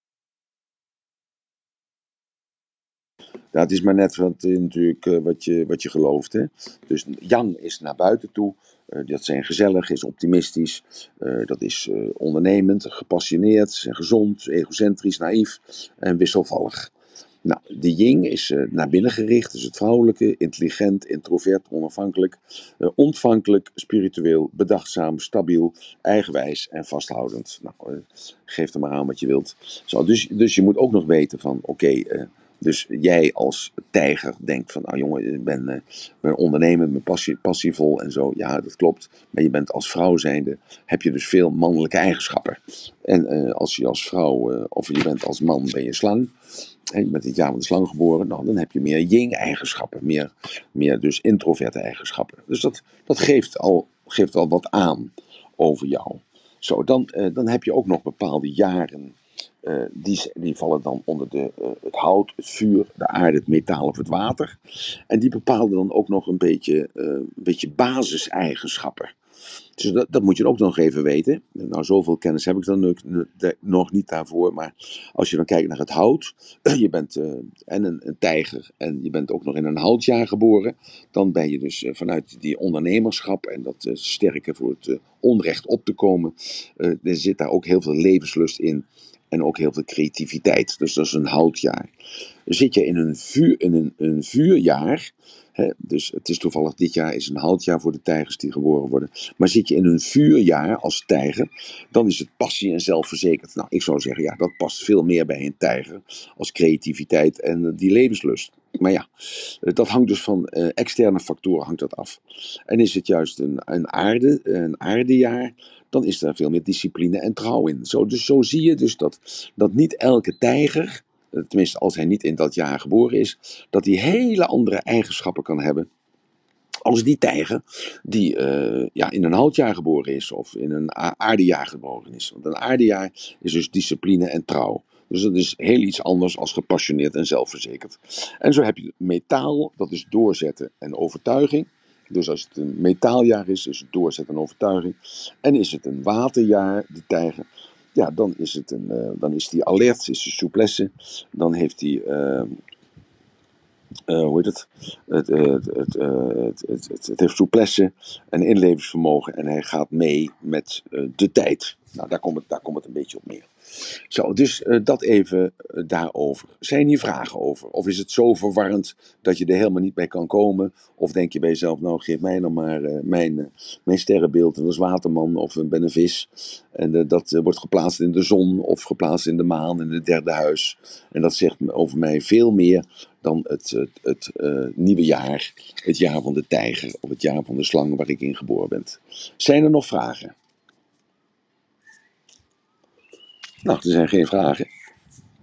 Ik had je nog even snel moderator gemaakt. Eh, wat kun je hiermee? Ik Ja, dat je een moderator gemaakt had, maar ik denk, ik weet helemaal niet hoe ik zie of iemand een handje opsteekt als ik niet de hele tijd op de telefoon kijk. Oh, Ah, ik heb je moderator gemaakt. Maar ik, eh, ik heb nu tijd om er toch nog eventjes... eh, ik herken mij niet in de omschrijving, zeg Marloes. Marloes, eh, mogen we weten in welk jaar jij geboren bent dan? Kom maar, mag, mag ik even naar boven toe halen, Marloes? Eh invite to speak. Zo. Hoi hoi, ik ben in 77 geboren. Ik ben een slang en ik heb net ontdekt dat het vuur was, het element. Oké. Dus een slang en eh, vuur. Nou, dus even kijken. Dus een slang is sluw en er kan mysterieus. roekeloos, onbezonnen zijn, vaak niet te vertrouwen met geld, intuïtief een groot gevoel voor drama. Nou, Nou ja, ik vind ik, mezelf ik niet heb roekeloos, ik vind mezelf niet onbezonnen en ik ben juist heel erg te vertrouwen met geld. Nou, ik vind je wel. eh, Dat vind ik wel. Ja, maar dan heb je het weer. Hè. Dat is natuurlijk met de astrologie is dat ook zo. Waar let je naar? Want ik, ik vind wel dat je mysterieus bent. dat vind ik wel. En ik, ik zou echt moeten vragen aan je, aan je echtgenoot hoe je met geld bent natuurlijk. Want dan kun je natuurlijk. Ik geloof ook wel dat je er heel voorzichtig mee bent. Maar en wat voor, wat voor jaar? Dus dat meer de yin, dat is de, de, de vrouweneigenschappen. 77. Ja, ja, maar, maar was het een houtjaar of was het een, Een eh, vuurjaar. vuurjaar? Dus de passie en de zelfverzekerdheid, nou dat past zeer zeker wel. Hè? Ja, maar hier eh, stond dan de uitleg kan roekeloos en onbezonnen zijn en vaak niet te vertrouwen met geld, intuïtief, met een groot gevoel voor drama. Nou, nou, dat, ik, ik denk dat dat drama er wel is bij jou. en dat intuïtief vind ik zeer zeker ook bij jou. Eh, dat je eh, onbezonnen met geld bent, nou, dat denk ik niet. Maar ja, kijk, dat is met een horoscooptrek hetzelfde laken en pak. Want je, wat, wat ben je van de westerse astrologie? leeuw. Een leeuw. Ja, daar herken ik je eigenlijk ook een beetje in. Hè, want je bent, eh, je bent onafhankelijk, eh, je komt eh, voor je mening uit, je neemt initiatief, je staat voor je ding. Ja, dus ja. En als ik even denk, bijvoorbeeld, ik ben een vis, dan herken ik mij veel meer in de os dan in de vis. Want de vis is tweeslachtig. Het kan, eh, kan, het kan, eh, eh, hoe het, het, het kan vriezen, het kan dooien. Weet niet wat hij wil. Ehm, ja, de, dus, eh, en de os is eh, krachtig, betrouwbaar, zachtaardig. eh die gaat gewoon door. eh, het, het denkt niet in tijd of energie. Zo, dus, dus ik heb dan iets meer met dat Chinese, zeg maar als het ware. Maar ik denk ook dat je het een, beetje door elkaar heen moet gooien. Of je moet gewoon zeggen, nou, ik, ik vind het allemaal maar kletskoek. Want hoe kan dat nou zijn? Dus iedereen die in 1977 geboren is, die zou dan op elkaar lijken. Ja, daar komt het dan een klein beetje op neer. Nou, dat, eh, dat, dat, eh, daar geloof ik ook niet zo in natuurlijk, Marloes. Moet ik ook eerlijkheidshalve zeggen. Nee, Maar het zou het, eh, heel raar en saai worden in iedere klas. Ja, hè, maar het, het gaat er dus even om dat, dat, eh, dat als je kijkt naar de Chinese beschaving, en daarom heb ik dat vandaag dan eigenlijk ook willen benoemen, als het ware, dat eh, het al 13 jaar voor, Chri- 13e eeuw voor Christus, dus dat is eh, eh, dat daar dus al, eh, eh, eh, hoe heet het, Eh, dat daar dus toen al dingen gevonden werden. Eh, dus eh, 13, de 1300 voor Christus, maar ook, eh, eh, ook al eh, 3000 jaar voor Christus, was er dus al beschaving. En, en dat vind ik zo mooi. En, eh, daarom wil ik die parallel halen met, eh, met religies. Dat eh, religies te evolueren, eh, eh, culturen evolueren. Eh, dus die zijn onderhevig aan veranderingen, want men leert uiteindelijk toch iets van, eh, van de werkelijkheid, wat die ervaren wordt. En ehm, ja, dat je dus op die manier eh, kijkt naar Chinezen. Want die hebben het nu dan over Taiwan. Eh, dus die vinden dat Taiwan bij China hoort. Als je kijkt naar de geschiedenis, is dat eigenlijk altijd al zo geweest. Maar goed, dat is met de Oekraïne is dat ook zo. Want eh, Kiev is altijd de hoofdstad geweest van Rusland. Maar goed, dan krijgen we een politieke discussie. Maar het is natuurlijk leuk dat als je denkt bij jezelf: oké, zo'n zo'n Biden, die eh, is dan de president van Amerika. Die denkt gewoon een op een hele andere manier als dat Xi Jinping denkt. Want Xi Jinping die denkt niet aan zichzelf, die denkt niet aan zijn kinderen, maar die denkt aan zijn achterkleinkinderen en aan zijn achter-achterkleinkinderen. En daar neemt hij een beslissing op. En dat is een totaal andere wereld. Hè, dat is als je ooit zaken doet met Chinezen, dat is leuk, dan, dan kost het heel veel moeite om contact met die mensen te krijgen. Je moet eerst met ze gaan eten, eh, je moet allemaal praten over allerlei andere zaken, weer eten, nog een keer eten, nog een keer eten. En dan eh, na, na dagen of misschien na weken kun je dan een contract maken. En ehm handje staat uit volgens publiek. Eh, ik, ik, ik kan me niks meer voorstellen. Ik heb niks uitgezet, eh Marloes.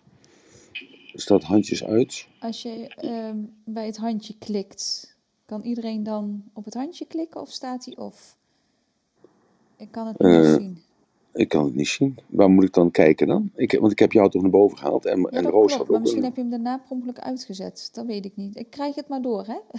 Via Ja, ja, nee, goed. Ik, nee, nee, nee, nee. nee, Dus ik, moet je eh, mij even moderator maken, dan kijk ik even. Ja, als je dat zou willen doen, zou hartstikke fijn zijn.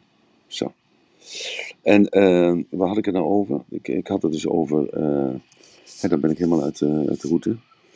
Ehm, Over eh, eh, Beijing, hoe anderen ja, ermee over Beijing. Biden. Ja, ook ja, oh ja, ja. Dus, dus dat die Biden, die, die zegt, eh, die denkt bij zichzelf, ik heb een probleem, want de werkloosheid is eh, gestegen. Eh, ik sta slecht in de pool, dus ik word niet herkozen vandaag over drie jaar. Ik, ik word afgerekend over het afgelopen jaar. Ik heb weinig, weinig gedaan. Hè, er is weinig tot de, tot de bevolking doorgedrongen van al datgene wat, eh, wat goed was wat ik gedaan heb. Dus die denkt daaraan, dat is zijn belang. Zo gaat hij dus die bespreking in. Wat hoor ik op de achtergrond? Eh, ben jij dat, Marloes? Sorry, En, ja, mijn zoon is raar aan het doen. En ik moest Nee, nee, nee. zo naar het boven. Oké, oké, top, top, top. En, eh, dus, eh, en die Xping, die denkt dus aan hele andere zaken. Dus je kunt je voorstellen dat dat een veel beter onderbouwd verhaal is wat die Chinees heeft als die snelle jongen van een Biden heeft. Dat, dat wil ik eigenlijk daarbij uh, duiden. En uh, daarom is uh, vaak het gezegde is dat als je met Chinese zaken doet, dat duurt heel lang voordat je met Chinese zaken doet. Ik heb dat een aantal keren zelf mogen doen. Maar op het moment supreme dat het contract getekend is, en dat is echt waar, op het moment dat het contract getekend is, dan pas beginnen de officiële onderhandelingen hoe raar dat ook mogen klinken, want bij ons is het zo dat contract dat wordt gemaakt en dan uh, is dat de basis en daar ga je dan op verder. Maar bij Chinezen is het dan juist uh, uh, de basis om daar nog een keer nog een paar procent af te krijgen of wat andere leveringsvoorwaarden voor te krijgen. Nou, ik zie dat er geen handjes zijn. Er zijn drie mensen op het podium gekomen, Emiel. Emiel, Namai en Michelle. Oké, okay, nou dan, dan heb ik iets fout gedaan. Dat ik, zie, ik zie ze niet, maar ik geloof jullie. Ik geloof jou. Zullen we Emine uh, nou, vragen wat ze te vertellen ja. heeft? Emine. Ja. Goedemorgen. Ik wou eventjes, nou ik wou wel meer zeggen, bijvoorbeeld over 60 en 21, maar daar hou ik maar mijn mond over. Uh, maar wat ik wel wou zeggen, Emilia zegt dat je vissen bent. En vissen zijn juist eigenlijk het meest spirituele teken is het meest geëvalueerde teken, is eigenlijk het teken wat eigenlijk al een beetje uh, het aardse heeft losgelaten en juist uh, ja, dingen ziet voor wat ze zijn. Dus het is juist een teken wat eigenlijk heel mooi bij jou past, vind ik. Dus dat wou ik oh. zeggen. Nou, dat dankjewel. Nou, dat, uh, ja, ik, ik heb me er niet zoveel in verdiept, maar ik dacht juist dat een vis zwak was. ook nee. qua gezondheid zwak was. En, Vissen en, zijn eigenlijk het laatste oh? teken. Ze zeggen eigenlijk dat je uh, alle uh, tekenriemen, als je in reïncarnatie gelooft, dan ga je eigenlijk alle tekenriemen door. En het okay. laatste teken is dus de vis. En de vissen zijn oh. gewoon daardoor eigenlijk het meest spiritueel, het meest ja, los van alle aardse beslommeringen. Ze snappen een beetje meer waar het over gaat in het leven dan, dan de rest die okay. nog allemaal aan het ploeteren zijn. Dus ik vind ja, dat ik vind eigenlijk wel heel passend bij je. Ja, maar ik vind mezelf helemaal niet spiritueel. Nou, ik vind jou heel, heel erg spiritueel op jouw manier. Je doet het wel op je eigen manier, maar jij, dat jij zo uh, eigenlijk altijd dingen uh, vertelt aan ons, hoe jij het ziet, dat is toch ook een soort van. Ja, uh, ja ik vind juist, ja, juist het wel heel spiritueel, eigenlijk wat je altijd vertelt. Want het is eigenlijk altijd van het hart en het, ja, het is niet. Nou ja, zo zie ik het in ieder geval. Ja, ik vind ja, jou wel ja, een soort. ik ben het met je eens, Amine. Ja, ja, je hebt iets. Ja. ja. En, en, ik zie het juist zo van uh, dat ik uh, down to earth ben. Want ik heb het ook de piramide van Maslow. En zeg gewoon, maar luister, je moet gewoon de kost verdienen. En als je, de, als je de kost verdiend hebt, dan, of je verdient de kosten en dan heb je s'avonds die sores niet. Dan kun je gewoon rustig nadenken over de dingen van het leven. Zo, dus, uh, ja, dus ik denk. Nou ja, altijd, maar dat snap je dus eigenlijk al. Misschien. Dus misschien is dat het ook wel. Dat je gewoon dingen wel overziet. En wel door hebt waar het over gaat of zo. Dat uiteindelijk ja. niet over de kost verdienen gaat, maar uiteindelijk over wat je thuis later kan bedenken, omdat je die vrijheid ja. hebt gecreëerd. Ja, ja, ja. ja. En ik dacht altijd bij mezelf, van dat komt een beetje door dat ik een halve blauwe ben. En dat ik dus dat, dat boeddhistische meegekregen heb oma of mijn moeder uh, boeddhistisch was. Maar er werd gewoon normaal gesproken over uh, als je overgaat, uh, andere energieën. En nou ja, dus de tante Eefje, heb ik was vaak over verteld. Misschien moet ik daar eens een keer een roem over houden. Dat, die was spiritist en die, ja, die ging zelf ook, die kon uit zichzelf treden. ik heb dat zelf ook gedaan vroeger, maar dat, ja, dat heb ik ook wel eens verteld, geloof ik, tot ik lid was van Harmonia. Maar ik heb dat altijd gedacht en dat denk ik nog steeds dat iedereen dat ook kan.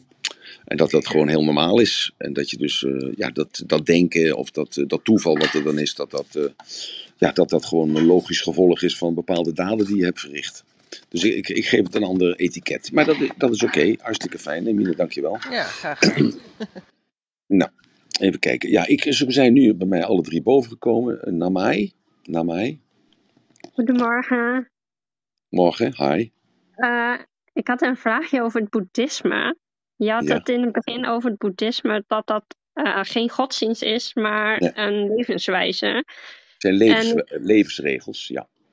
Ja, ik ben in Nederland zeg maar in aanraking gekomen met het westerse boeddhisme. Maar toen was ik in 2019 in Thailand en toen merkte ik dat heel veel eh, mensen daar zeg maar, het boeddhisme heel anders ervaren dan dat Ja. ik het geleerd had uit de boeken, zeg maar.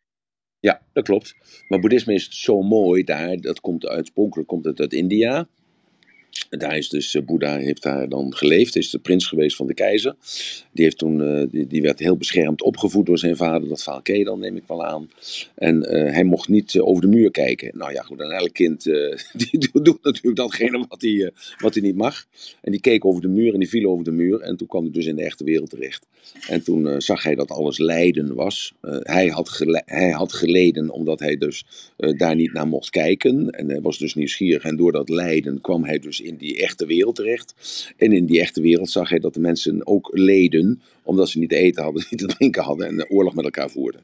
Zo, en, en dat principe eigenlijk, als het ware, heeft hij uitgewerkt. Die man heeft ook echt bestaan. Die heeft al die fases doorlopen. Die is onder die boom gaan zitten. Die heeft daar uh, dagen en eeuwen heeft hij daar gezeten om te, uh, om, om te transcenderen, als het ware.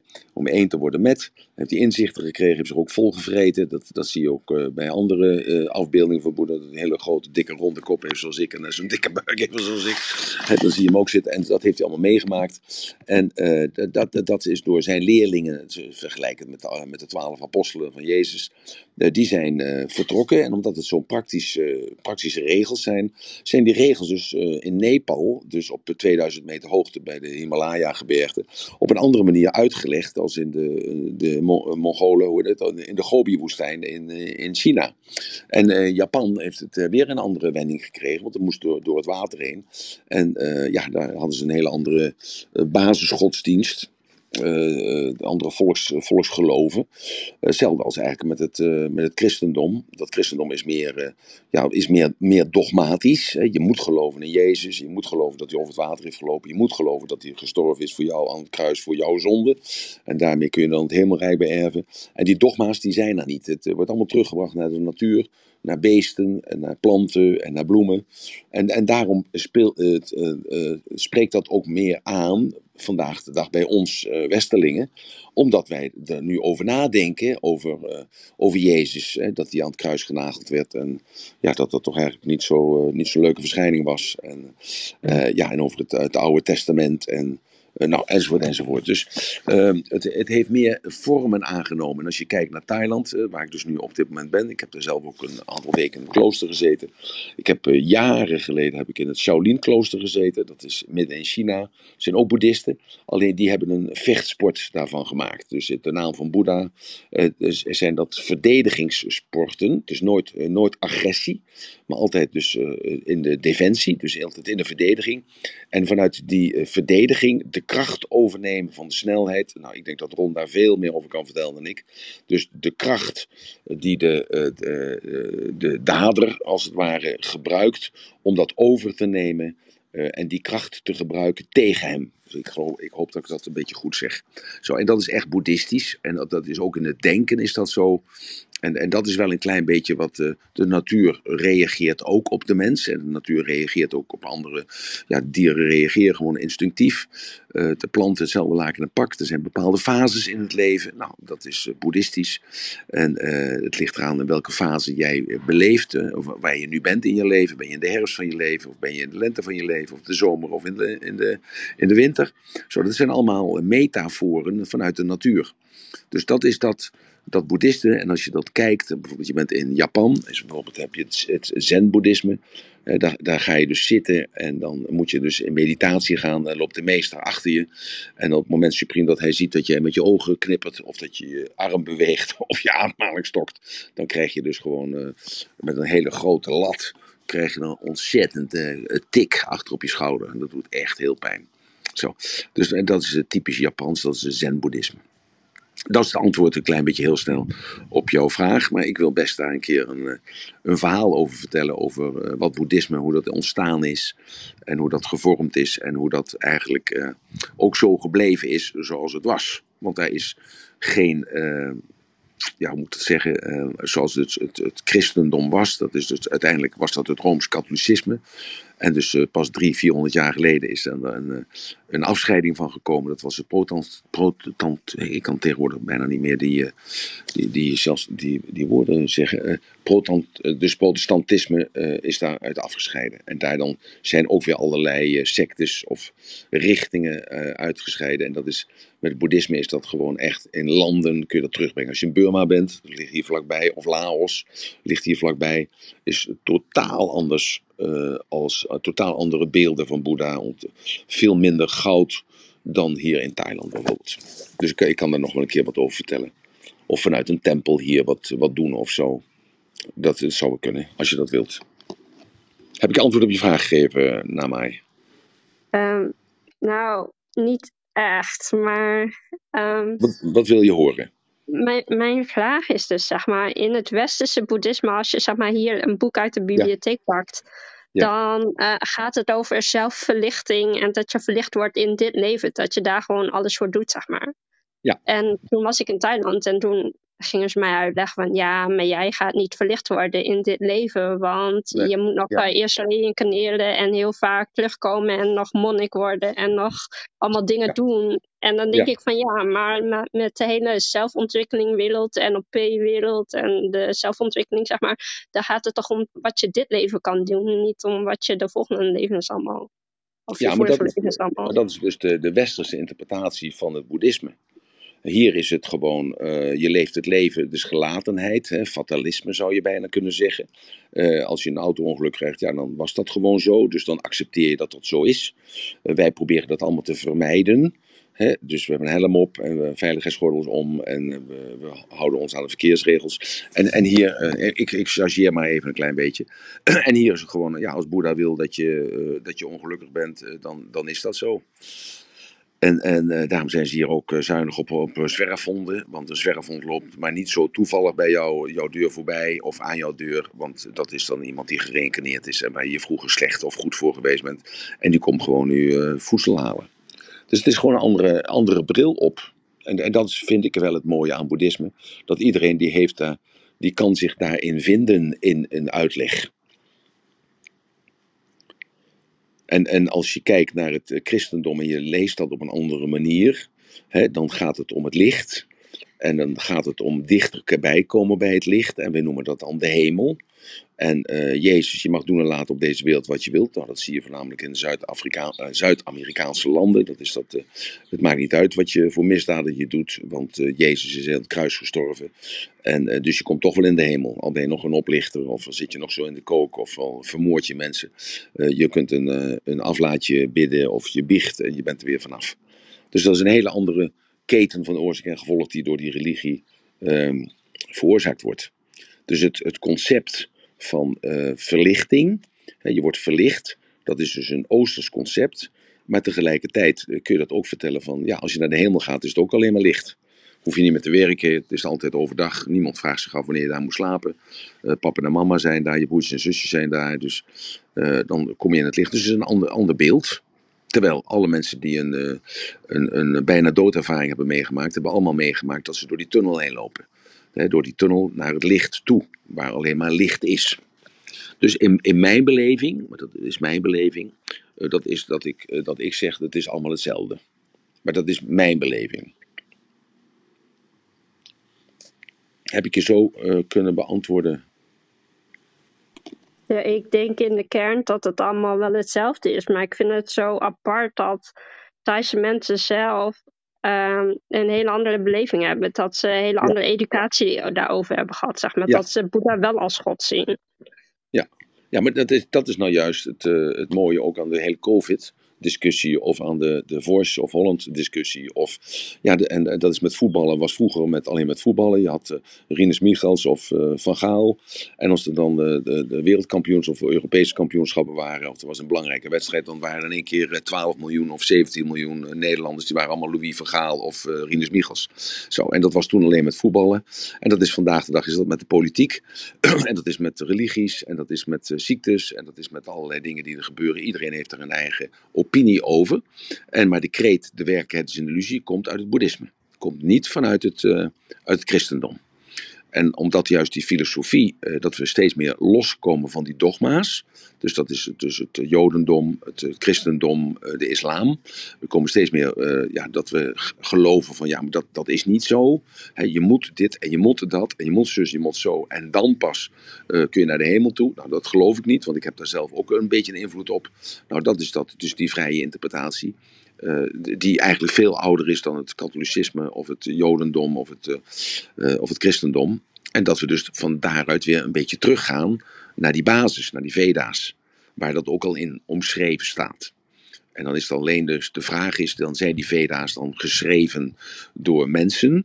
Of zijn die Veda's geschreven door buitenaardse beschavingen? Dus met veel meer kennis, waar wij nu in ons tijdperk nu ook gaan begrijpen dat, ja, dat de mechaniek van, de, eh, ja, van raketten en van eh, met elkaar kunnen communiceren eh, en ehm, eh, in het licht treden en, en kunnen veranderen, ja, is dat niet eh, iets wat eh, andere beschavingen naar ons gebracht hebben, duizenden, duizenden, duizenden jaar geleden, en dat dat opgeschreven is in de Veda's, en dat dat allemaal verhalen zijn geworden eh, in de Sahara, weet je wel, dus dat is het Jodendom. En, ehm, ja, en er zijn verhalen van gemaakt in, het, in, in het Oosten, het, het Boeddhisme, en dat het uiteindelijk, dat we terugkeren naar die Veda's, en dat we dat besef krijgen dat er regels zijn, dat er vrije wil is, dat er vrije beschikking is, en dat we er zelf van mogen maken eh, dat uiteindelijk het goddelijke eh, in ons zelf zit. En niet buiten ons is. Nou, en dat is dus juist die epigenetica waar we het de laatste tijd regelmatig over hebben. Ik heb nu een meneer in behandeling. eh, die, die gaat heel erg goed. Eh, het, op een moment heeft het zich teruggeslagen. En dus het, het, het immuunsysteem hield het niet meer uit. Dus hij moet nu gelezen, worden, hoe noem dat? Bestraald worden en eh, allerlei andere vreselijke dingen. En ik heb hem nu elke dag aan de telefoon en ik doe nou, eh, je zou dat benoemen eigenlijk als ge- geleide meditatie. Maar ik noem dat geen geleide meditatie. Ehm, ik heb het erover dat hij spreekt met zijn T-cellen en spreekt met zijn eh, immuunsysteem. En dat immuunsysteem sterker maakt. En of dat nou autosuggestie is of het is placebo, ja, dat weet ik niet. Het, het werkt in ieder geval en het helpt in ieder geval.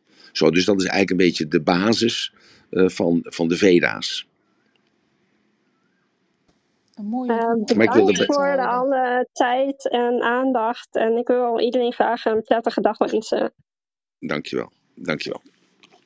Ja, oké. Michelle. Michelle, je hebt zo lang moeten Hi. wachten. Oh, je bent er. Ik ben ondertussen buiten en het is hier echt eh, nogal eh, rumoerig, maar ik hoop dat jullie mij kunnen horen. Ja, heel Ehm, duidelijk. Top. Mijn vraag was eigenlijk, in hoeverre wordt er gekeken naar je Chinese sterrenbeeld in het koppelen van je dochter aan een zoon? Want stel nou dat je een, een rat bent, dan ben je toch verloren, of niet? Nee hoor, want eh, je hebt yin en yang. En je hebt dus bij al het, eh, kijk, wat je, eh, je kracht is, is ook je zwakte. En, en wat, wat het, het, het liefhebbende aan je is, is ook het hatelijke aan je. Het is alleen maar de context waarin je dus iets plaatst. Dus eh, je hebt soldaten, dat zijn tijgers en ik zijn ook konijnen. Alleen die konijn, eh, als je in het jaar van het konijn geboren bent, dan denk ik dat je eerder een, eh, een verplegende soldaat zult zijn en een verzorgende soldaat zult zijn. Als dat je een, een, een ossoldaat zult zijn, of een tijger of een draaksoldaat zult zijn, of een slangsoldaat zult zijn. Dus ik denk dat, dat de natuur dat die dat allemaal regelt. Dat, dat, dat, dat, dat, dat geloof heb ik op de een of andere manier dat dat altijd goed komt. Dus dat eh, het goed en slecht, waar wij dan altijd in eh, rubriceren, dat dat helemaal niet bestaat, eh, dat, dat, eh, dat, dat maken we er zelf van. Ja, klopt. Maar zal er door ouders toch ook misschien wel gekeken worden naar wanneer ze een baby maken? Ja, zeker. Ja, toch? Ja. Een beetje plannen. Ja. ja, dat is in het oosten veel sterker dan in het eh, westen. Dus zij eh, laten zich echt eh, daardoor beraden. Er zijn, er is- Japan is daar heel eh, ver in. En eh, China trouwens ook en hier Thailand ook. Dus in welk jaar moeten we trouwen? Hè? Want het zijn bepaalde jaren eh, met vuur bijvoorbeeld. Het hangt maar weer af van je doelstellingen. Dus welk jaar moeten we trouwen? Wanneer willen we een kind verwekken? Eh, past dat nu? Nou, en dan kom je weer terug op dat stukje body logic. Eh, wat zou je graag willen? Nou, dat en eh, heel mooi. Er stond een vorige week of de week daarvoor of een maand geleden stond er in de krant dat als je een kindje wilt hebben, dan moet je 100 dagen voordat je dat kind gaat verwekken, moet je je levensstijl al veranderen. Nou, dat is natuurlijk een fantastisch iets. Nou, dat heb ik al vijf jaar geleden beschreven in Body Logic. En dat doen duizenden jaren geleden deden de Chinezen dat ook al. En zo houden zij dan hun ras puur. Hè, en dat mag je bijna niet meer zeggen gezien de oorlogssituatie. Die houden hun ras puur. Uh, en uh, ja, Chinezen voelen zich superieur. En ik heb proberen te uiten waar die superioriteitsgevoel, waar dat vandaan komt. Want een Chinees zal dat nooit zeggen dat hij superieur is aan een blanke of aan een anders gekleurde. Maar hij voelt zich wel dusdanig omdat hij die bagage heeft. Dat is met Joodse mensen is dat ook zo. Dat is het uitverkoren volk. Kijk, en als jij behoort tot het uitverkoren volk, ja, dan, heb je, dan draag je wel iets bij je. Dan heb je een stuk en verantwoordelijkheid heb je bij je, maar tegelijkertijd ook een soort trots. En een soort, uh, soort iets van, ja, maar ik ben wel bijzonder.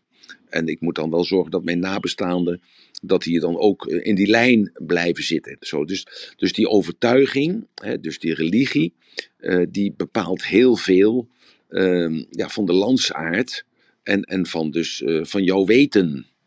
Dat is eigenlijk een beetje, en daarom wilde ik eigenlijk dat verhaal vertellen over het Chinese nieuwjaar. Om, om iets te laten zien dat de Chinezen zitten gewoon anders in elkaar dan blanken. En die hebben gewoon andere waarden en normen. Niet beter, niet slechter, maar gewoon anders. En uh, die zitten er gewoon anders in.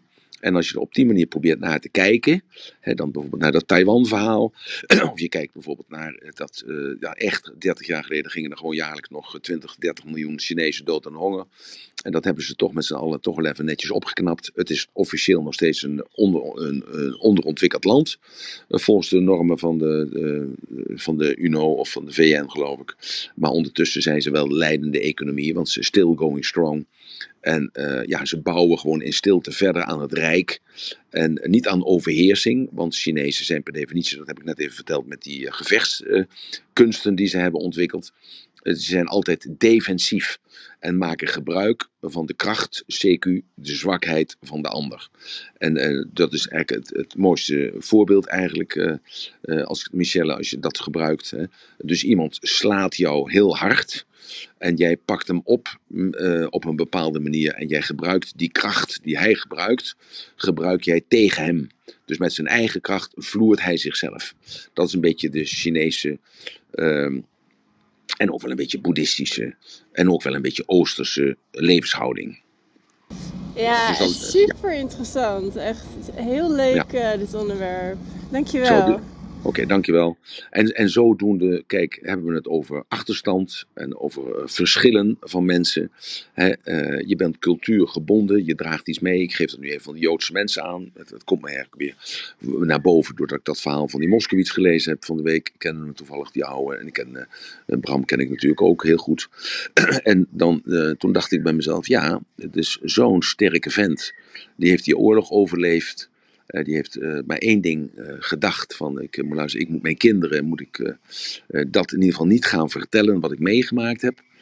ik moet ze verwennen. Ik moet ze het, het, het, het, goede geven van het leven. Ik moet ze laten studeren. En dan zie je wat die jongens ervan gemaakt hebben. He, goede tijden creëren slechte tijden. En slechte tijden creëren sterke mensen. En sterke mensen creëren goede tijden, maar goede tijden creëren zwakke mensen. Zo, dus dat, in dat kader, dan kijk ik er op die manier naar. En uh, zo kijk ik ook naar landen. wat er gebeurt momenteel met Rusland en met Amerika. er zijn uh, korte termijn belangen van, uh, in, van de EUN, van de VN en van Europa. Er zijn korte termijn uh, uh, doelen zijn er, die moeten gerealiseerd worden. En daarom heb ik al een paar keer voorzichtig aangehaald. de Varkensbaai-incident in 62, het Tonkin-incident in 67, het Aqsa-verhaal van Saddam Hussein. Hè, dus, waardoor dus de Irak-oorlog kon beginnen. Uh, nou, en zo zijn er ook een aantal zaken in Afghanistan te benoemen, waardoor de Amerikanen daar naartoe gegaan zijn. En dat was niet een, een, long-term vision, maar dat was gewoon op dat moment waren er politieke strubbelingen in het binnenland. En dat werd op, uh, die werden opgelost door een hoger doel, zogenaamd. Nee, dat was om de aandacht af te leiden.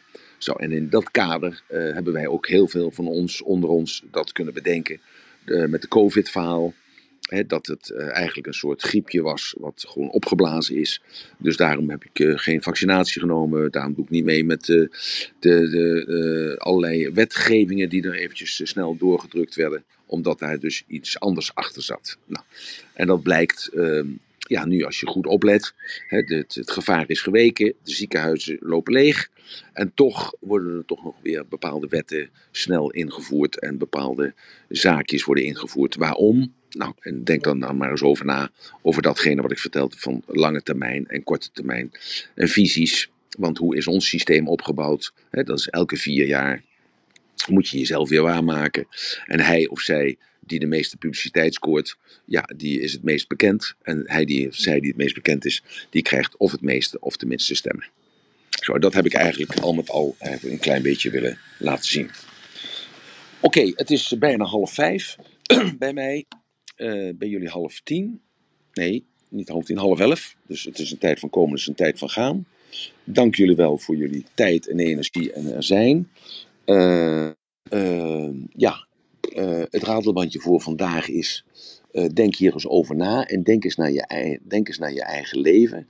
En je eigen leven van, ja, ben ik nou gericht op korte termijn doelen of zijn het lange termijn doelen? En ik zeg niet dat korte termijn slecht is, ik zeg niet dat lange termijn slecht is, maar misschien dat je daar een balans in kunt vinden. Een balans in kunt vinden dat je die financiële onafhankelijkheid, dat je die niet kunt bereiken in een jaar of twee jaar of in tien jaar, maar dat je daar gewoon een lifelong eh, tijd voor moet nemen. En die gezondheid, eh, dat je, ja, je weet dat het lichaam zich vernieuwt, totaal vernieuwt, helemaal vernieuwt in zeven jaar. Dus als je nu op dit moment stopt met roken of met koffie drinken, of je begint nu met sporten, of je gaat nu vanaf vandaag de hond uitlaten elke dag eh, vier keer in plaats van twee keer, dan verander jij dus ook je lichaam. Zo, dus dat zijn allemaal relatief gesproken korte termijnen. Eh, de strategieën, zeven jaar is een korte termijn eh, doel in vergelijking met een lange termijn doel. Hoe wil ik eh, later herdacht worden door mijn kinderen? Want je bent misschien nu 23 of 33 of 43. Nou, en dan duurt het nog even een jaartje of eh, 50, 60. Zo, denk daar nou vandaag eens over na. Dat is het pratenbandje voor vandaag. En dan hoop ik jullie morgenochtend om 9 uur weer hier te mogen treffen. En Roos, dankjewel voor je assistentie. En Mine, dankjewel voor de vragen en voor je compliment. Als een compliment ervaren. Marloes, je bent aan de telefoon, dus je hoort mij niet. Maar dankjewel dat je er ook even was. En dan hoop ik jullie morgen weer te mogen ontmoeten. Bye bye.